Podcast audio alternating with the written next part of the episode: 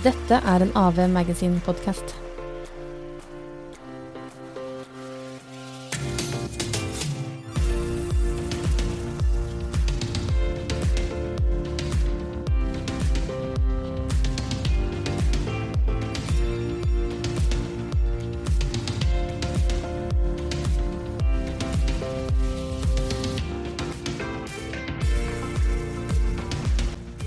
Fleste av oss vi er, vi er jo ikke nødvendigvis hjernekirurger. Jeg husker det var sånn der åpenbaring for meg, og som jeg har brukt både i coaching og sånn som jeg holder gruppecoaching eller kurs. da. Og, og, så, og så forteller de med stor innlevelse hvor, hvor høyt press de føler eh, i jobben sin. Eh, og så spør jeg hva er det verste som kan skje. Ja, nei, da skjer jo det, og da blir kundene sinte, og, da, og så, sånn og sånn og sånn. Litt sånn katastrofetenking. Og så sier jeg OK, men men det er ingen som dør, sier jeg. Nei, nei det er ingen som dør. Å nei, sier jeg. Og så blir det sånn comic relief, da. Eh,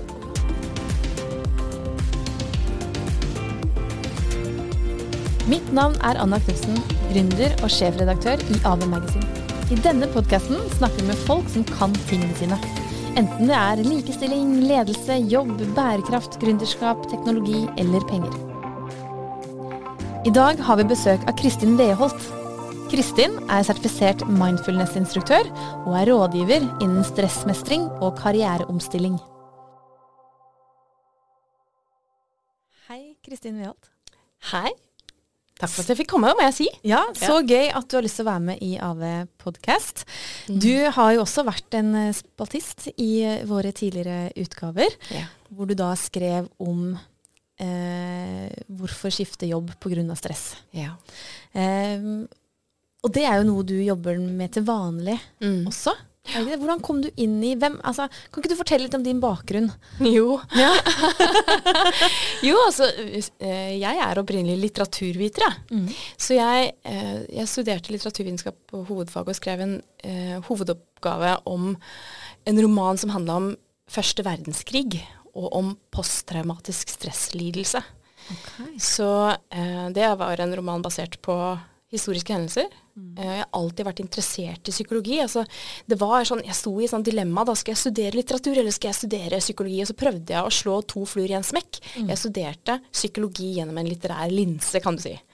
Så alt jeg skrev om i fordypningsfagene mine i litteraturen, handla om psykologiske fenomener.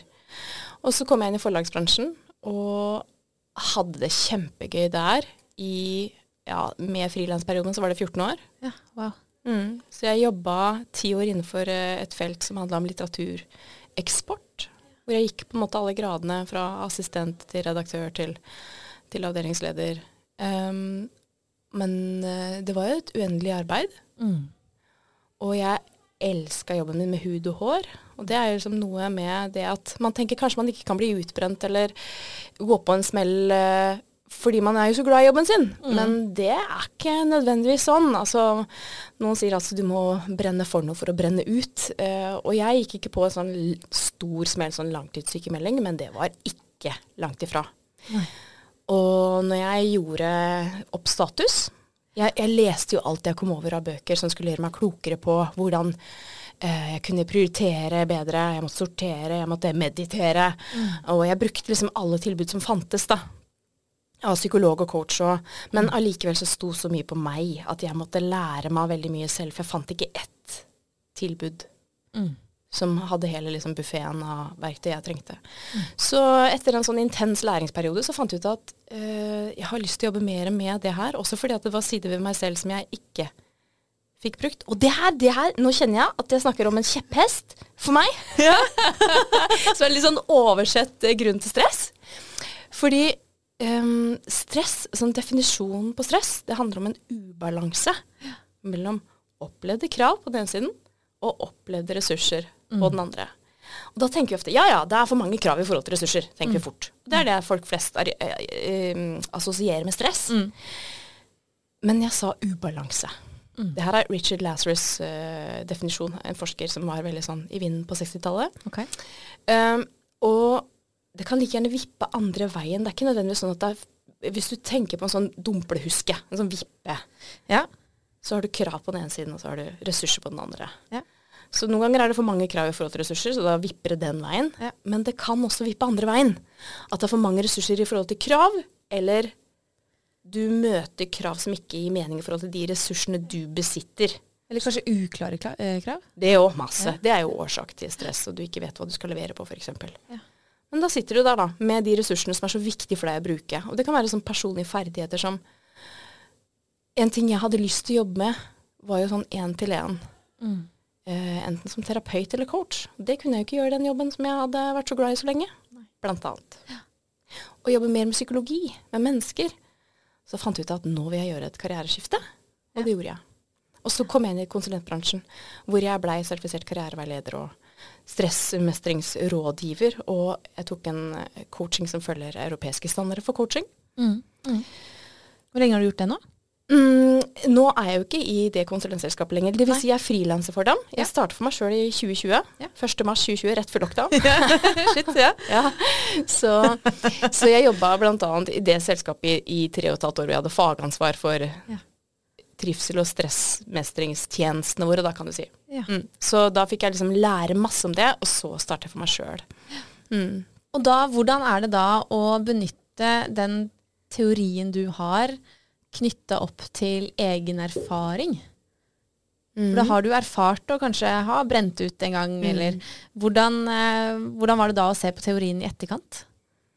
Nei, altså det er jo noe med at det er noen brikker som faller på plass, da. Jeg ser, jeg forstår så mye mer av hvorfor jeg hadde det som jeg hadde det. Um, for eksempel så um, så så jeg det at eh, på den tida så var jeg singel, Uh, og jeg forsto ikke hvilken rolle det spilte. Mange tenker på stress som å være tidsklemma òg, ikke sant? Det er lett å forstå at småbarnsforeldre uh, strever med å få kabalen til å gå opp i hverdagen. Men mange av dem jeg coacher, de er også single. Og det er kanskje da at de brenner inne med kjærligheten sin.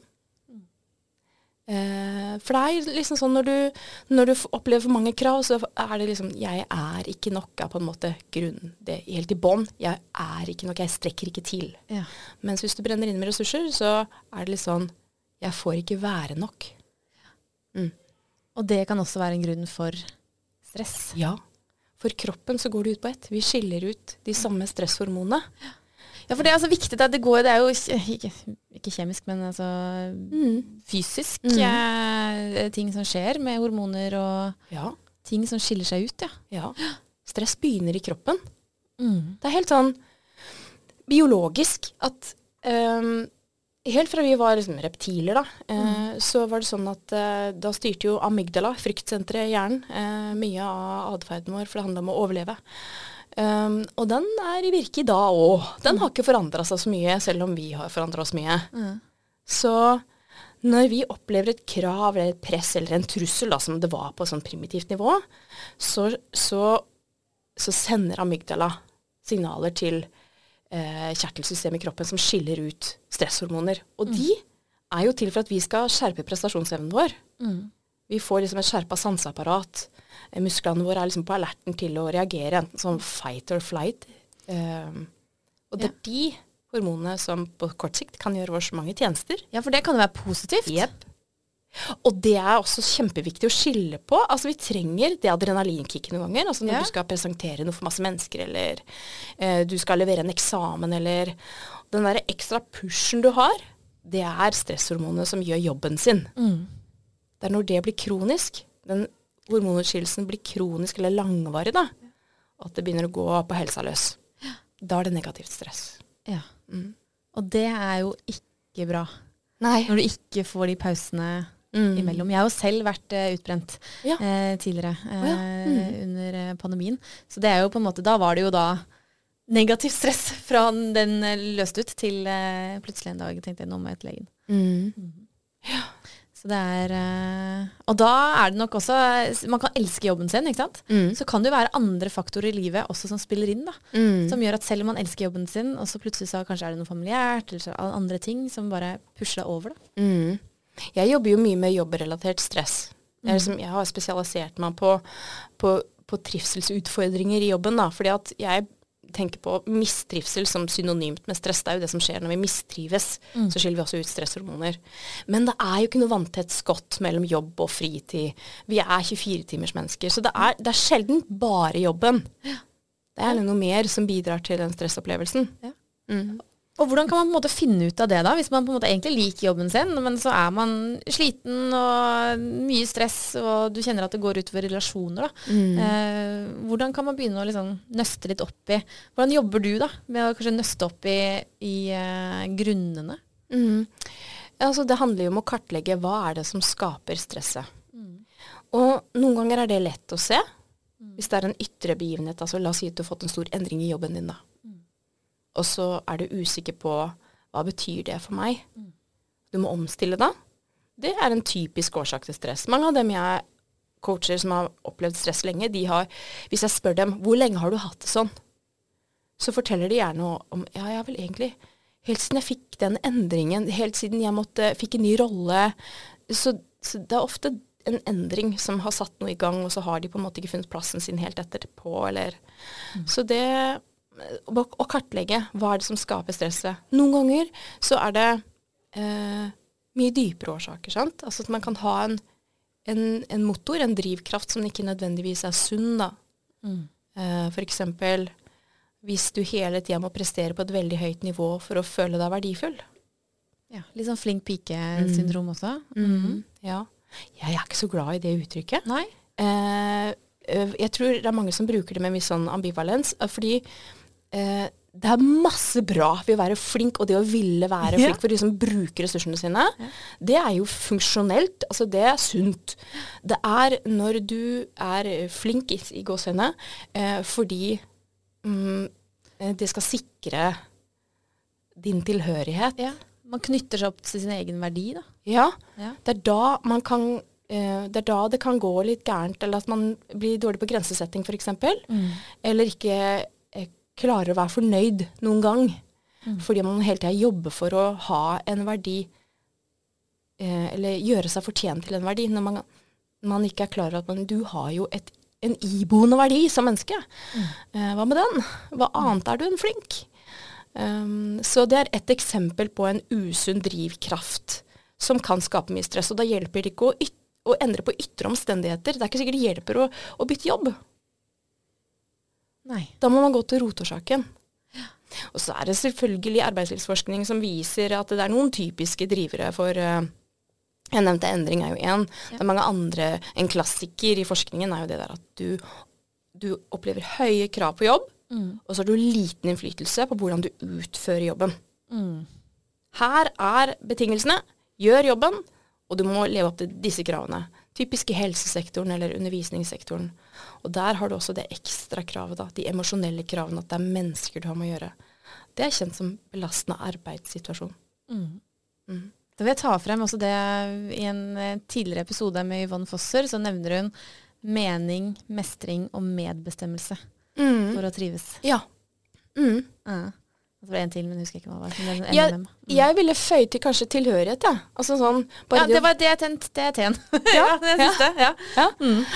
Fordi eh, det å føle at du hører til altså, Og så jobber vi jo, mange av oss jobber hardt for å føle at vi hører til, for det er så kritisk for oss som individer. Altså ensomhet. Jeg har en podkastepisode faktisk som er kalt 'Stress og ensomhet', apropos det at jeg var singel da, da jeg opplevde så helseskadelig stress som jeg gjorde. At um, når du er ensom, du har en opplevelse av at du er ensom, ikke alene, men ensom, så skiller kroppen ut de samme stresshormonene som når du er overvelda av krav eller Og det syns jeg er interessant. Det er så viktig.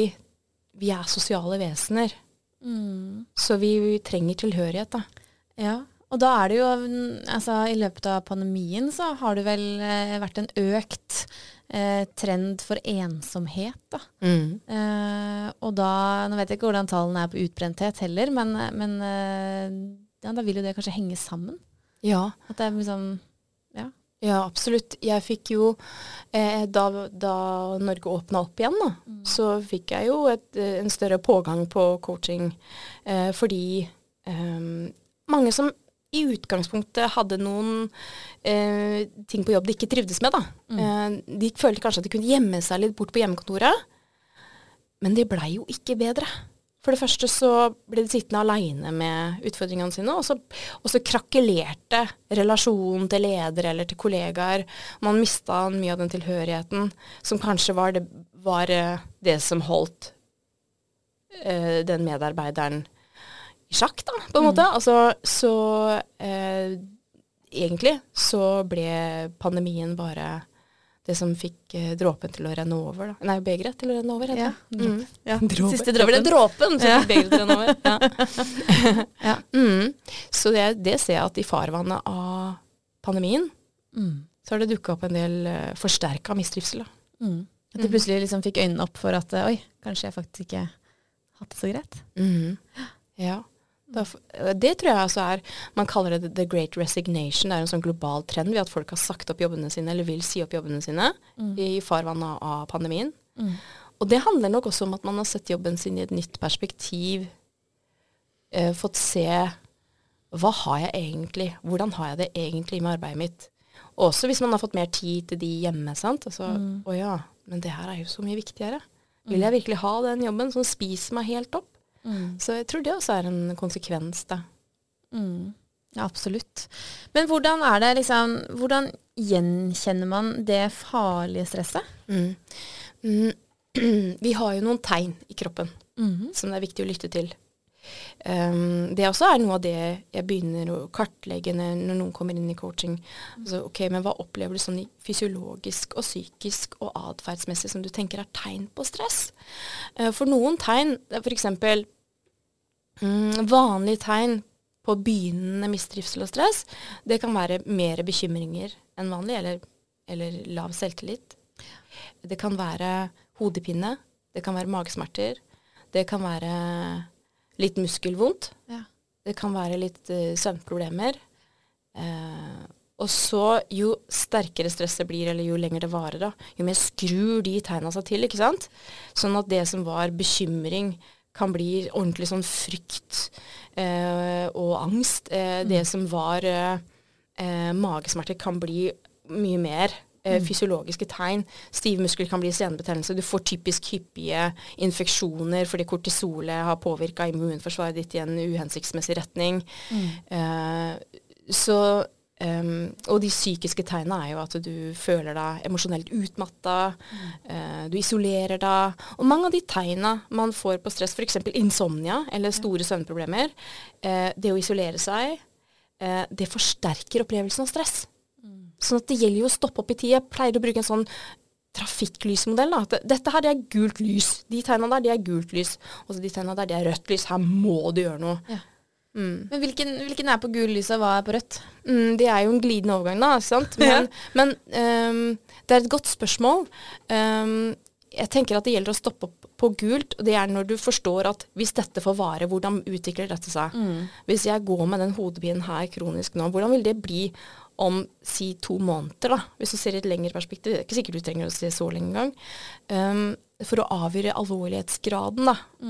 Men jeg tenker at når du aldri blir kvitt bihulebetennelsen din, eller når du ikke får sove om natta, eller når du har så mye vondt i kroppen Jeg husker jeg på det verste. Det var liksom vondt å legge hodet på puta om kvelden, for jeg var så stiv i ansiktet. Og puta mi er myk, altså.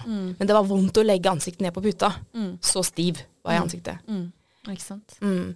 Så du, eh, men da, jeg har jo folk i coaching som har besvimelser, som blir midlertidig blinde, som får raseriutbrudd på jobb, i lang- kontorlandskap, altså som får sterke reaksjoner da. Jeg tror jeg kjente det litt sånn at man begynner å sukke litt. Man prøver å hige litt etter luft. Man får aldri liksom nok Ja. pusta nok, eller det kan Ja. være stramninger i brystet, Mhm. eller andre sånne ting òg, da. Mm, kortpusta. Det er mange av de jeg coacher, jeg, jeg kan peke på det og si jeg legger merke til at du puster her oppe. Åssen har du det? Ja. For det kan hende de kommer inn i coaching med en helt annen bestilling. Jeg er ikke sikker på om jeg er i rett jobb. Og så når vi begynner å snakke sammen, så ser jeg wow, nå kjenner jeg i kroppen min som coach at det mennesket der er i beredskap. Så det er vel sånn Du, jeg er jo også mindfulness-instruktør, da, så jeg bruker ofte det til å liksom både lytte til min egen kropp, men også invitere de jeg coacher til å sette seg med begge beina i gulvet. Få pusten så langt ned i magen som mulig. Bare sånn OK, hva, opp, hva kan du legge merke til i kroppen? Og da kan de beskrive uro, eller de kan beskrive en brennende følelse i magen, eller trangt i brystet og i halsen, og liksom er en klump i halsen. OK, pust inn i det. Vær litt med det. Hva tenker du det er uttrykk for? Mm. For å komme til altså ref det spørsmålet du stilte i stad, altså hvordan finner man ut hva som skaper stress? Altså hvor er energilekkasjene dine? Mm. Ja, hva gir, hva tar, og hva vedlikeholder på en måte Mm. litt sånn energi, da. Mm. Mm. Og det kan vel så gjerne være krav fra utsida som fra innsida. Nei, jeg kjenner at jeg har en så sterk indre kritiker at det bryter meg ned. Jeg føler meg udugelig ut fra det jeg hører meg selv si til meg selv. Altså, det er jo også en del av bildet for, for noen. Mm. Det er en indre, en indre, indre krav, da. Jeg syns at her, eh, man må bli flink til å stoppe opp da, og kjenne Mm. etter. At uh, Noen ganger så kan jo hverdagen bare løpe forbi uten at man stopper opp og bare OK, hvordan har jeg det nå? Hvordan kjennes kroppen? Ikke sant? Mm. At det er uh, Har du noen sånne mm, hverdagslige innsjekkinger, eller liksom har du noen sånne som du gir til dine klienter, da? Ja, altså jeg, jeg Det fins ikke noe quick fix for stress som har vart en stund. Sånn er det bare. Men jeg tenker at noe av det nærmeste du kommer med, i hvert fall med å redusere sånn umiddelbart stress, det er jo eh, mindfulness-øvelser eller pusteøvelser. Du kan får ikke løst noen rotårsak der bak stresset, på en måte, men du kan bli klokere på deg selv, og du kan eh, ved å puste i fem minutter og rette oppmerksomheten mot pusten, så aktiverer du det parasympatiske nervesystemet. Det er Mm. det som roer stresshormonet. Ja. Det er to nervesystemer. Det er det sympatiske og det parasympatiske. Det sympatiske det er aktivert når du er under stress. Det parasympatiske balanserer det igjen. Mm. Så du, det er en helt konkret ting du kan gjøre. Men i samme slengen, da, hvorfor ikke bare kjenne kroppen din? Når du sitter der og puster ned i magen, kjenn kroppen. Hvordan følelsen? Sitter du, sitter du ned i setet, eller er- sitter du litt over setet? Altså, sånn i, eller stolen, da. Mm. Ehm, eh, hvordan kjennes hendene dine? Mm. Stress setter seg ofte i hofter, hender, nakke, skuldre, ansikt. Ja. Også ma og over, øvre del av kroppen. Da. Ja. Mm. Mm. Så det er en sånn innsjekk jeg gjør med meg sjøl noen ganger. Og jeg skal være så ærlig og si at det er ikke alltid at fem minutter er nok. Jeg kan liksom sette meg ned og Å, nå Fordi at jeg er sånn prestasjonsleder. Å, nå var jeg fin og avslappa. Så må jeg liksom vurdere det, da. Istedenfor å bare være med det, liksom. Men sånn Ja, nå var du flink til å slappe av, Kristin. Kan jeg jo ta meg sjøl og tenke sånn Det handler ikke om å være flink til å slappe av. Sitt litt lenger, du. Eh, og så kan det kanskje gå Noen ganger mediterer jeg jo i 45 minutter, sant. Og så kjenner jeg bare i slutten av den meditasjonen Dang, jeg, jeg løper jo. Jeg, jeg får et indre bilde av at jeg er på sprang. Mm. Ja. Shit. Ja. Så noen ganger tar det tid å komme inn til eh, Å skrelle alle de laga, da. Mm. Ja, selvbeherskelse, på en måte. Mm. For å se hvordan har jeg det. Mm. Nå er det jo eh, Nå husker jeg ikke om det var én av tre eller to av tre. Det kan kanskje du vite. Litt sånne unge som kommer til å være, eller har vært utbrent. Jeg vet ikke statistikken på det. Nei, jeg leste noe om det her om dagen, så det er ganske mange, faktisk. Eh, men så er det få, opplever jeg, som snakker om det. Mm. Mhm. Ja. Eh, og det er jo psykisk. ja. eh, og fysisk, mm. på en måte. Eh, og det kan være vanskelig for andre som ikke har opplevd det, å forholde seg til det. Hvis Mhm. man har en nær eller en kollega, eller å forstå, da. Eh, fordi det er vanskelig å, å forklare. Det at du, jeg klarer faktisk ikke å ta ut oppvaskmaskinen i dag. Jeg. Nei. Ja, det er Det vanskelig er å en si. sperre, liksom. Mm. Og da, er det men også vanskelig å forstå. Mm. Hvordan kan man eh, Har du noe forslag til hvordan å lett, Hvis man ikke har opplevd det selv, Mm. hvordan lettere forstå det som skjer? Mm. For det er jo en sperre. Jeg, bare, jeg husker det selv. ikke sant? Det er bare sånn, Ja. Jeg får meg ikke til det. Jeg får ikke til å svare på denne meldingen her. Eller jeg får, altså, Gikk en rullegardin ned, liksom? jeg bare jeg klarer ikke å forholde meg til det. Mm. Det her klarer jeg ikke å forholde meg til. Nei.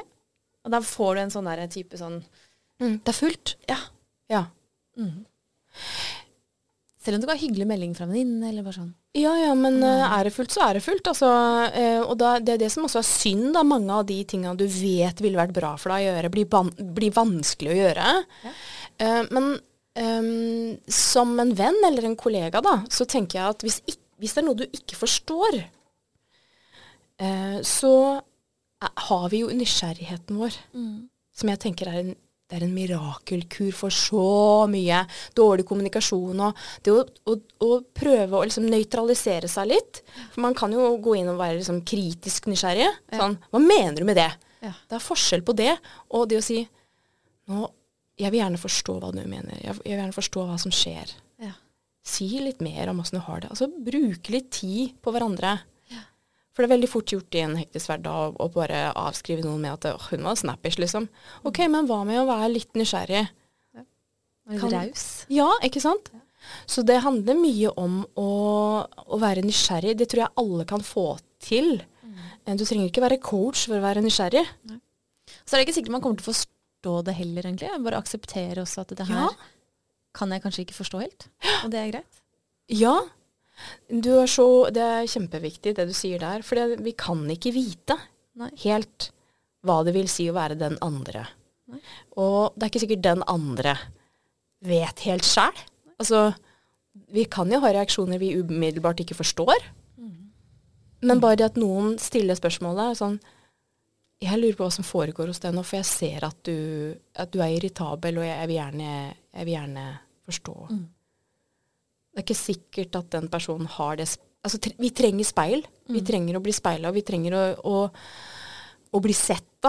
Det er så mye læring i det å virkelig bli sett av andre. Opplever du at mange har skam rundt det å ha mye stress, eller har vært utbrent, eller er det, eller Ja. Ja. Ja, ja, ja. Fordi, så, ta i jobbsammenheng da. Altså hvis du sitter der i, i jobben din, og du eh, opplever masse stress, og så Det å si til lederen sin Vet du hva, jeg, jeg fikser ikke jobben min akkurat nå. Selvfølgelig er det skambefengt, fordi at det er eh, Eller, eller for, i hvert fall hvis ikke du har et sånn åpent forhold til lederen din. Det er vanskelig å si 'jeg får ikke til'.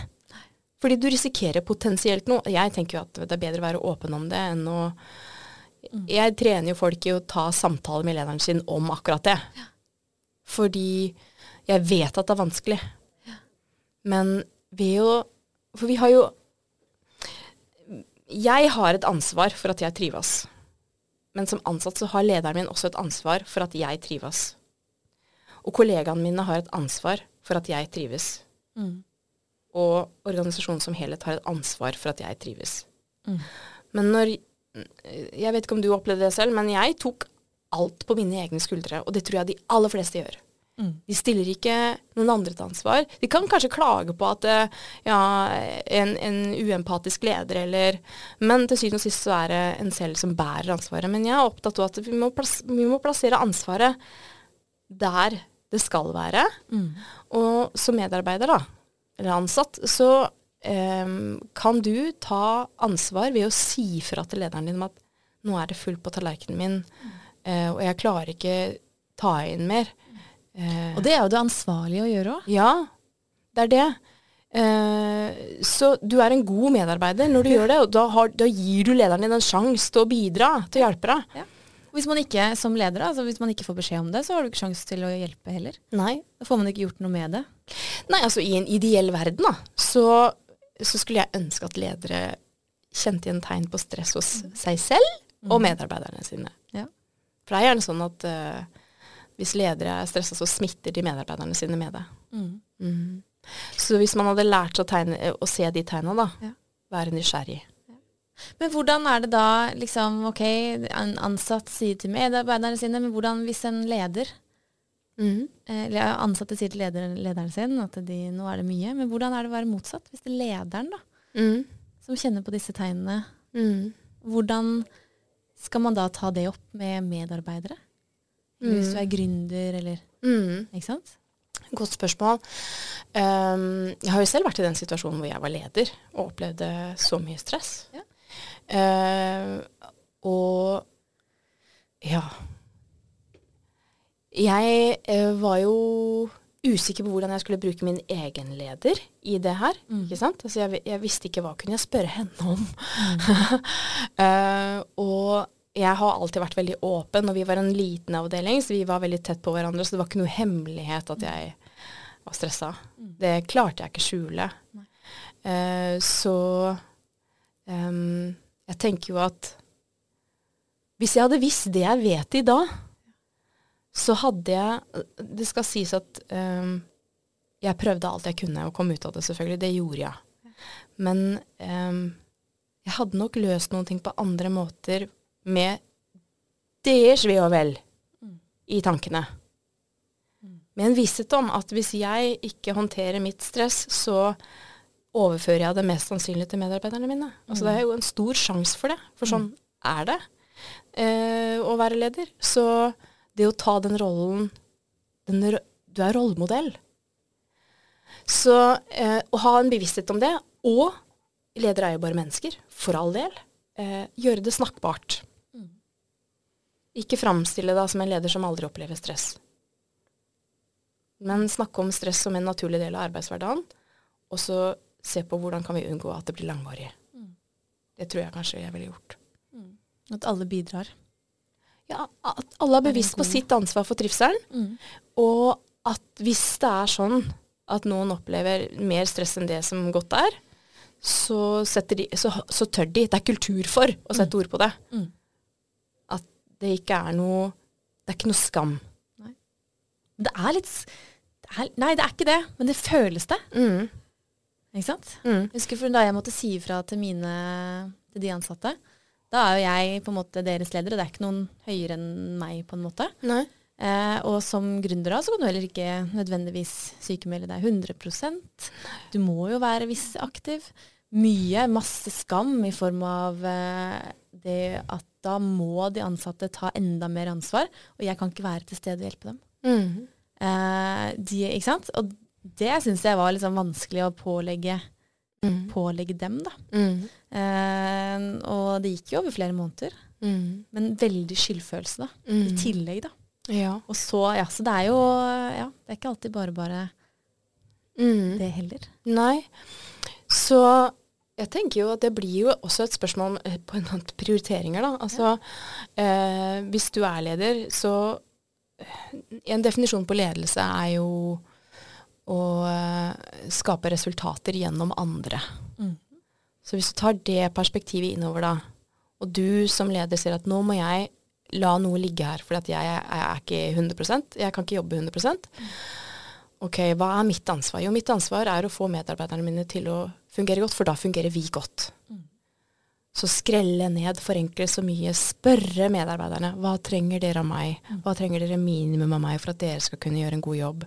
Og så får vi akseptere at noe ikke blir gjort. Ja, for det var det tipset også jeg fikk. Mm. At det bare sånn Anna, du må bare la ting gå. Mm. Noen ting må du bare la gå. Mm. De fleste av oss vi er, vi er jo ikke nødvendigvis hjernekirurger. Jeg husker det var en sånn åpenbaring for meg, og som jeg har brukt både i coaching, sånn som jeg holder gruppe eh, coaching eller kurs, da. Og, og, så, og så forteller de med stor innlevelse hvor, hvor høyt press de føler eh, i jobben sin. Eh, og så spør jeg hva er det verste som kan skje. Ja, nei, da skjer jo det, og da blir kundene sinte, og, da, og så, sånn og sånn og sånn. Litt sånn katastrofetenking. Og så sier jeg OK, men Men det er ingen som dør, sier jeg. Nei. Nei, det er ingen som dør. Å nei, sier jeg. Og så blir det sånn comic relief, da. Ja. Eh, fordi, å ja, nei, vi er jo ikke hjernekirurger. Det er, det er ingen som dør på vårt operasjonsbord. Nei. For vi jobber ikke med liv og død. Nei. I hvert fall ikke direkte. Nei, nei. så for mange så kan det være en sånn åpenbaring. At hvor gærent kan det gå? Og ofte så er ikke det mest gærne så gærent. Nei. Nei. Nei, ting blir bare litt utsatt. Ja. Jeg husker jeg satt i min, og jeg har opplevd så mye stress, og liksom bare innboksen bare torturerte meg. Liksom bare, jeg var en slave av innboksen. Jeg satt som en sånn e-post-mitraljøse og bare pusha ut så mye. Eh, Ja, ja, og det er jo Sisyfos, for da får jeg noe tilbake òg. Så bare mer jobb. Um, og, så, og så var det en som spurte meg ja, hva er det verste som kunne skje der, da? Nei, altså hvis én ting var de kontraktene jeg ikke forhandla, men i den jobben, ærlig talt, det verste som kunne skje, var egentlig at jeg fikk en purring. Ja, ikke sant? så det var så alvorlig det var. Ja. Det er litt sånn vilt å tenke på i etterkant, Ja. men når du er i stress Krisemaksimere, vet du. Ja, ja, og det er, det er stresshormonene. Mm. Det er på en måte frykten din. Da er amygdala, sant? Da er du reptil igjen, som føler Mm. deg trua på, på livet, da. Så du blir ikke helt um, Du klarer ikke å se de ulike perspektivene. Og ja, det er å være i stressets vold, for å si det sånn. Mm. Og det er ikke noe god følelse. Nei. Nei. Jeg føler meg egentlig litt sånn takknemlig for den erfaringen jeg har hatt. Ja. Spesielt fordi jeg også er leder. Ja. For da har jeg veldig stor forståelse og kan gjenkjenne Mm. eh, visse tegn hos ansatte eller andre. Og Mm. ja, også hos meg selv. da, Sette tydeligere grenser og Ja. litt sånne ting. Så en sånn type takknemlighet. Men jeg har snakka med andre som har vært utbrent. Og de snakker om det som litt sånn skam. Litt med skam. Og ikke si det for høyt, ikke si det til noen. For det kan være negativt for min, en ny arbeidsgiver eller noe sånt. Mm. Men jeg syns egentlig det er en sånn Det er noe positivt ved det òg, da. Mm. Du har, som du sa innledningsvis, da. De som brenner ut, er de som brenner for noe. Mm. Som har et engasjement, og som eh, ja, virkelig liksom ja, brenner for noe, da. Ja. Rett og slett. Ja. Har engasjement, og så har man lært masse om seg selv i den perioden. ja, absolutt. Er kanskje tydeligere, har noen grenser som er positivt. Mm. Så jeg tenker at det er en, en god livserfaring å ta med i enhver jobb. Mm. Det er jeg helt enig i, selvfølgelig. Altså, jeg lever jo mye av også min egen erfaring. Altså, jeg har jo gjort en business på, og, og så har jeg fylt på med akademisk kunnskap etterpå og lært meg verktøy som jeg vet har liksom dokumentert effekt. Men um, jeg tror noe av grunnen til eller Kanskje ikke det er skam, da. Det å si at nei, men jeg vil ikke helst ikke at noen skal vite. Altså, det handler kanskje vel så mye om frykten for tilbakefall til alvorlig stress. Eller til utbrenthet. For mange går jo på smell etter smell etter smell. Ja. Uh, og da har de kanskje ikke fiksa opp i den rotårsaken jeg snakket om, ikke sant. Mm. Eh, så kanskje det er vel så mye frykt for at det skal skje igjen. Ja, og bare den frykten kan skape stress, tenker jeg. Altså at det er bare Å, det, er jeg her igjen nå? Å nei. Det er litt som med å falle tilbake til Eller frykten for å falle tilbake til depresjon. At så fort det kommer en regnværsdag, og du har noen mørke tanker, så bare «Åh, Er jeg tilbake der igjen? Det i, seg, det i seg selv kan jo skape en del sånn ja, stress, da. Uh, så jeg tenker at det å normalisere stress mer, eh, ikke framstille stress per se som en sykdom. Mm. Stress er normalt. Det fins ikke noe stressfritt liv. Enten vi er klar over det eller ikke, så opplever alle stress. Men det er forskjell på det å ha stress i hverdagen av og til, og det å gå med en kronisk eh, altså stresshormonene på 24-7 i ukevis. Det er det vi må unngå. Da må vi ha restitusjon. Da må vi, vi må stoppe opp og, og la kroppen få innhente seg, og at de kan komme tilbake i homostasis, som det heter. Ja, ja. ja. Men, men det å normalisere stress, fordi det, det å ta frykten ut av stresset eller frykten ut av det å, å være redd for å falle tilbake til der du var, som du hadde det så kjipt, det tror jeg er en del av det. Ehm, og så er jeg helt enig med deg. Det er en verdifull erfaring i den forstand at du kommer nok tettere på verdiene dine. Du kommer tettere på hva er det jeg trenger for å ha det bra. Eh, ikke minst den empatien du får med andre, og den kunnskapen du har til å gjenkjenne stress hos andre. Litt større både selvmedfølelse og medfølelse for andre, tenker jeg. Det er jo ressurser. Det er jo bra ting. ja, virkelig. Ja. Så jeg, jeg, jeg forstår veldig godt den skammen slash frykten. For jeg har kjent på den selv. Mm. Men eh, vi, trenger, vi trenger stressresponsen i kroppen for å yte vårt beste. Og når vi ser det som eh, en positiv ting, og vi sikrer oss at vi får hvile med jevne mellomrom, så blir ikke stress så farlig. Stress er ikke farlig i seg sjøl. Og det syns jeg det er altfor lite snakk om. Det er bare snakk om stress som noe negativt i mediene. Og da blir vi kanskje mer redde for stress enn det vi trenger å være. Vi tre, som du sier, vi trenger stress for å prestere. Mhm. Skikkelig. Ja. Når du ikke har sovet, ja, når du ikke du har sovet om natta fordi du har en unge som holder deg våken, og så skal du prestere skikkelig på jobb, du har et viktig møte eller en presentasjon, det er stresshormon som får deg gjennom. Mm. Det, er, det er det er stresshormoner som gjør at du kjenner at du får det kicket, det du vet, adrenalinkicket Mm. som er sånn deilig, som du kjenner i engasjementet i jobben. Det er stresshormoner. Ja. Eh, det er de som gjør at du er litt ekstra våken i et viktig øyeblikk. Altså, eh, og hvis du kan lære deg også å bruke det til din fordel, altså Ja. se ja, nå, nå kjenner jeg det litt, nå vet jeg at jeg er litt skjerpa. Ja. Det, det er ikke noe farlig i det. Og sånn innledningsvis, den artikkelen du skrev, sa når skal du bytte jobb pga. stress? Og når kan man da Hvilke ting gjenkjenner man i jobben sin da, som gjør at dette her kanskje er feil jobb? Mm. For da er man litt sånn Stress kan jo da komme av at man er på feil sted. Mm.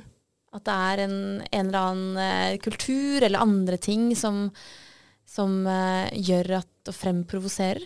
Ja. Eh, Jeg tenker at det er em, Du har jo det ansvaret du har for å gjøre det du kan for å redusere ditt stress og styrke din trivsel. Jeg jobber i to spor. Jeg ikke bare, altså jobber ikke bare med stressreduksjon, men jeg jobber også vel så mye med å finne ut av hva skal til for at du trives i jobben din. For at mistrivsel blir også til slutt stress. Det, bare, det bare kjennes ikke så overveldende ut å begynne med. Det bare kommer sånn snikende, Så, så til slutt så sitter du der med alle de samme plagene som den som har hatt stress pga. overveldelse for mange krav. Så det, hand, det handler vel så mye om å finne ut hva skal til for å trives, ikke bare for å dempe stress. Og under enhver stressproblematikk så ligger det en eller flere verdikonflikter på lur. Ja, ikke sant? Ja.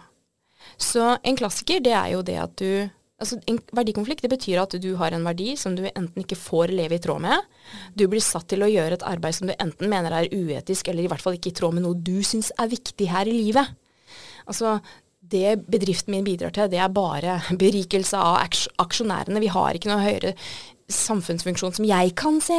Eh, eller Nei, faktisk så bidrar den bedriften jeg jobber, jobber i, til noe i samfunnet jeg ikke syns er ålreit. Hvis man f.eks.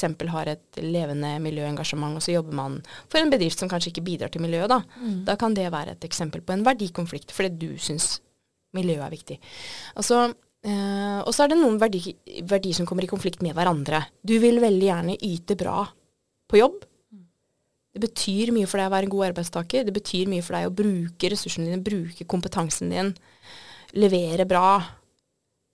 Kanskje fordi at jobben din bidrar til noe viktig i samfunnet. Og så har du en familie. Du er også opptatt av å være en god mor. Så det er to verdier som kan komme i konflikt med hverandre. Mm. Så, så jeg jobber også med å kartlegge verdiene til dem jeg coacher, da, for å finne ut av hva er egentlig viktig for deg, og hvem må du være for å leve i tråd med verdiene dine? Får du være den personen på jobb? Mm. Får du bruke de ofte personlige ferdighetene, da? Som det er snakk om, fordi de personlige ferdighetene dine ofte er uttrykk for verdiene dine i praksis. Hvis ikke du får bruke de, hvis ikke du får leve i tråd med verdiene dine, så er du på feil plass.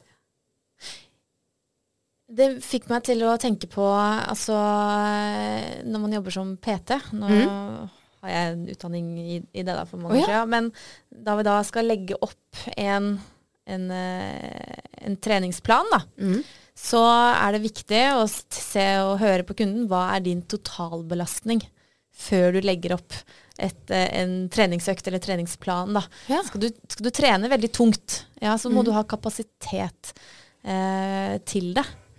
Så hvis du har en total eh, belastning som er veldig høy, og en stressende jobb, og det er masse hjemme, så skal du heller ikke trenes tungt. Nei. For det går utover nervesystemet, ikke sant? Ja. som også det her er kobla på. Ja. Og det syns jeg det går litt sånn hånd i hånd. da, At det, det er så fysisk og, og psykisk. Alt henger sammen. da. Ja. Eh, så tenke litt på sin egen totalbelastning Mm. på alle arenaer. Det var fint du sa. Eh, fordi eh, der syns jeg forskningen har vært litt sånn utydelig. Eh, det er jo mange jeg coacher som trener veldig hardt. For de er litt sånn overachievers. eh, og, men det er også mange som opplever det som god stressmestring å trene. da, Så de tømmer huet på en måte når de løper eller Men eh, det er jo som du sier, at du, du skiller jo ut de samme hormonene under hard trening som under stress. Eh, så er det sikkert at det er bra å trigge enda mer stresshormoner. Så er noe, så er det noe forskning som sier at uh, HIT-trening, altså høyintensitet intervalltrening, kan over tid redusere eh, kortisolnivået. Men jeg har vært litt sånn Jeg er mer tilbøyelig til å si det du sier. Jeg syns det er veldig interessant. Vi tenker ikke på totalbelastningen. Nei. Det er et kjempeviktig perspektiv. Altså, takk for at du delte det med meg. Det ga veldig mening. Det er sånn fint bilde jeg kan bruke Mm. i coaching og Ja, så jeg tenker at man skal liksom ikke eh, ja, ikke løp intervaller eh, hvis du er utbrent, liksom. Altså, du må tenke totalbelastningen, og kroppen din er Altså hvis du tenker på ladebatteriet ditt da, på mobilen, den, du Mm. er på rød, da. Du er egentlig liksom mm. Du har aldri klart å lade opp, da. Mm. Ehm, så det er gjerne gå turer og liksom Du kan gjerne dra på treningssenteret, men ikke eh, tren supertungt. Nei. Eller veldig høy intensitet. Mm. Fordi det er totalbelastningen. Ja, ikke sant. Nei, Det, det tenker jeg er så er Bra å bevege på seg. Ja. Mm. Mm. Det, det tenker jeg også er Stressmestring begynner med de grunnleggende ressursene. Og hva er det? Jo, det er hvile eh, slash søvn. Eh, det er trening. Det er kosthold. Det er sosiale relasjoner. Og så er det en eller annen strategi da, for å ta vare på den psykiske helsa di. I min verden er det mindfulness, men jeg prakker ikke det på folk som ikke er interessert i det. Da kan de ha noen andre strategier. Ja. Det kan være hvile, eller det kan være Ja, og eller det kan være, noen kaller det positivt selvsnakk. Og også mindfulness er så mye mer enn å sitte i lotus og meditere. Det er jo mange måter å praktisere det på. Men eh, det du sier da med trening, altså ehm, en, en rolig trening som yoga er jo meditasjon gjennom bevegelse. ja. Um, og så tenker jeg igjen, da. Hvis du er usikker på om du trener for hardt, gitt totalbelastning, kjenn etter. Kjenn hvordan har kroppen min det to timer etter at jeg har trent. Ja. Er den, er den lada mer, eller er den mer utlada? Og det er eh, hvis du, har, hvis du pusher på på jobb, da, Mm. og pusher på hjemme, Mm. så er det fint å trene, men ikke pushe på trening i tillegg. Nei. Eller sånn, det er ikke da du skal øke antall kilo i benken, og det er ikke da du skal løpe fortere. Kanskje mer vedlikehold. Um, Ja, du vet sikkert så det altså- kommer jo på en måte fra den, eh, den teorien der, da. Ja. Mm. ja men, men da, da vet du kanskje også om det har noe effekt, ikke sant? Om, om kroppen faktisk klarer å nyttiggjøre seg den treninga. Kanskje du har sett det at ja, men det er ikke noe vits fordi at det, kroppen har ikke noe restitusjonsevne eller Nei. Og, og det går jo ut i, altså generelt sett på trening òg, da. Men uh, man trenger disse vedlikehold- og restitusjonsperiodene for å klare å flytte seg oppover. Vektskål, holdt jeg på å si. ja. Komme, ta tyngre og løpe raskere og mm. lenger. Bra metafor Mm. for hele greia, holdt jeg på å si. Ja. jeg tror bare totalbelastningen det er viktig å, å, å tenke på. Mm. Uh, man kan ikke um, prestere på alle arenaer samtidig. Nei. Du må ta det litt i ja, Balansere det ut også, kanskje. da. Ja, det er jo noen som ikke tror på balanse. At man må lære seg å leve med at uh, nå må hjemmefronten gå litt for lut og kaldt vann, mens Ja. jobben er den som får meg. Og så, og så eh, om to uker så er det motsatt. Jeg, jeg vet ikke hva løsningen er. Og så kan du jo, I siste utgave av AV så skrev jeg om dette litt med balanse, da, og det Ja. og på en måte Man er så opptatt av work-life balance. Ja. Eh, men når du er i balanse, hva skjer da? Når du er i 100% balanse. Nei, det kommer litt an på hvordan du er skrudd sammen, men jeg finner vel et nytt prosjekt og hekter fingrene i. Man står stille. Å ja, sånn ja. Ja, ikke sant? Ja. Man står stille. Så vil man, vil man heller ha det spillet. Mm. Hvis du skal være i balanse, så uh, du er alltid i ubalanse for hvert skritt du tar. Mm. Du holder på å falle hver gang du tar et skritt. Mm. Jeg syns det er litt sånn en fin metafor òg, at man eh, 100% balanse er kanskje aldri mulig. Nei. Du vil kanskje, du må ha det spillet, da. Mm. Men at de vektskåla kan, eh, eller den dumpuska kan Ja. Ja. Ja, det er, det er på mange måter en illusjon å tenke at det skal være totalt balanse. Altså, det er den derre eh, Hvem er det som sa det? At hvis du har begge beina planta godt på bakken, så står du stille? Eh, var det Søren Kirkegård, eller var det han Ja, danske? ja. Jeg husker ikke. ja. Ja. ja, nei, så det å ha aksept, da, ikke sant? For at eh, Ja, sånn er det nå. Og eh, nå får eh, Nå får det gå litt på halv tolv her, da. Mm. Eh, Akseptere det. mm. Tenke på totalbelastning. Liksom. Mm. Det var fint. Har du noen tips da, til, på, helt, på, helt på tampen eh, for å i det hele tatt aldri komme på gult lys? Det klarer du ikke å unngå. Nei, ok. Nei, Nei. Så enkelt Så er bra, Så altså akseptere det, da. Ja. Ja. ja, men det er det jeg mener med at, uh, at stress er en naturlig del av livet. Ja. Og vi vil shine innom gult lys rett som det er. Og det er ikke noe farlig der. Men bare ikke bli der, for da blir det et hvert rødt lys. Mm. Stopp. Ja. Gjør det?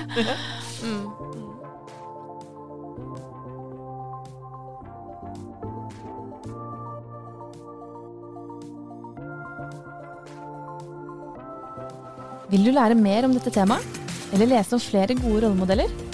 Gå til avmagasin.no. Den 8. desember 2022 lanserer vi også AV Magazine på nett. Følg med. Likte du denne episoden, legg gjerne igjen en tilbakemelding.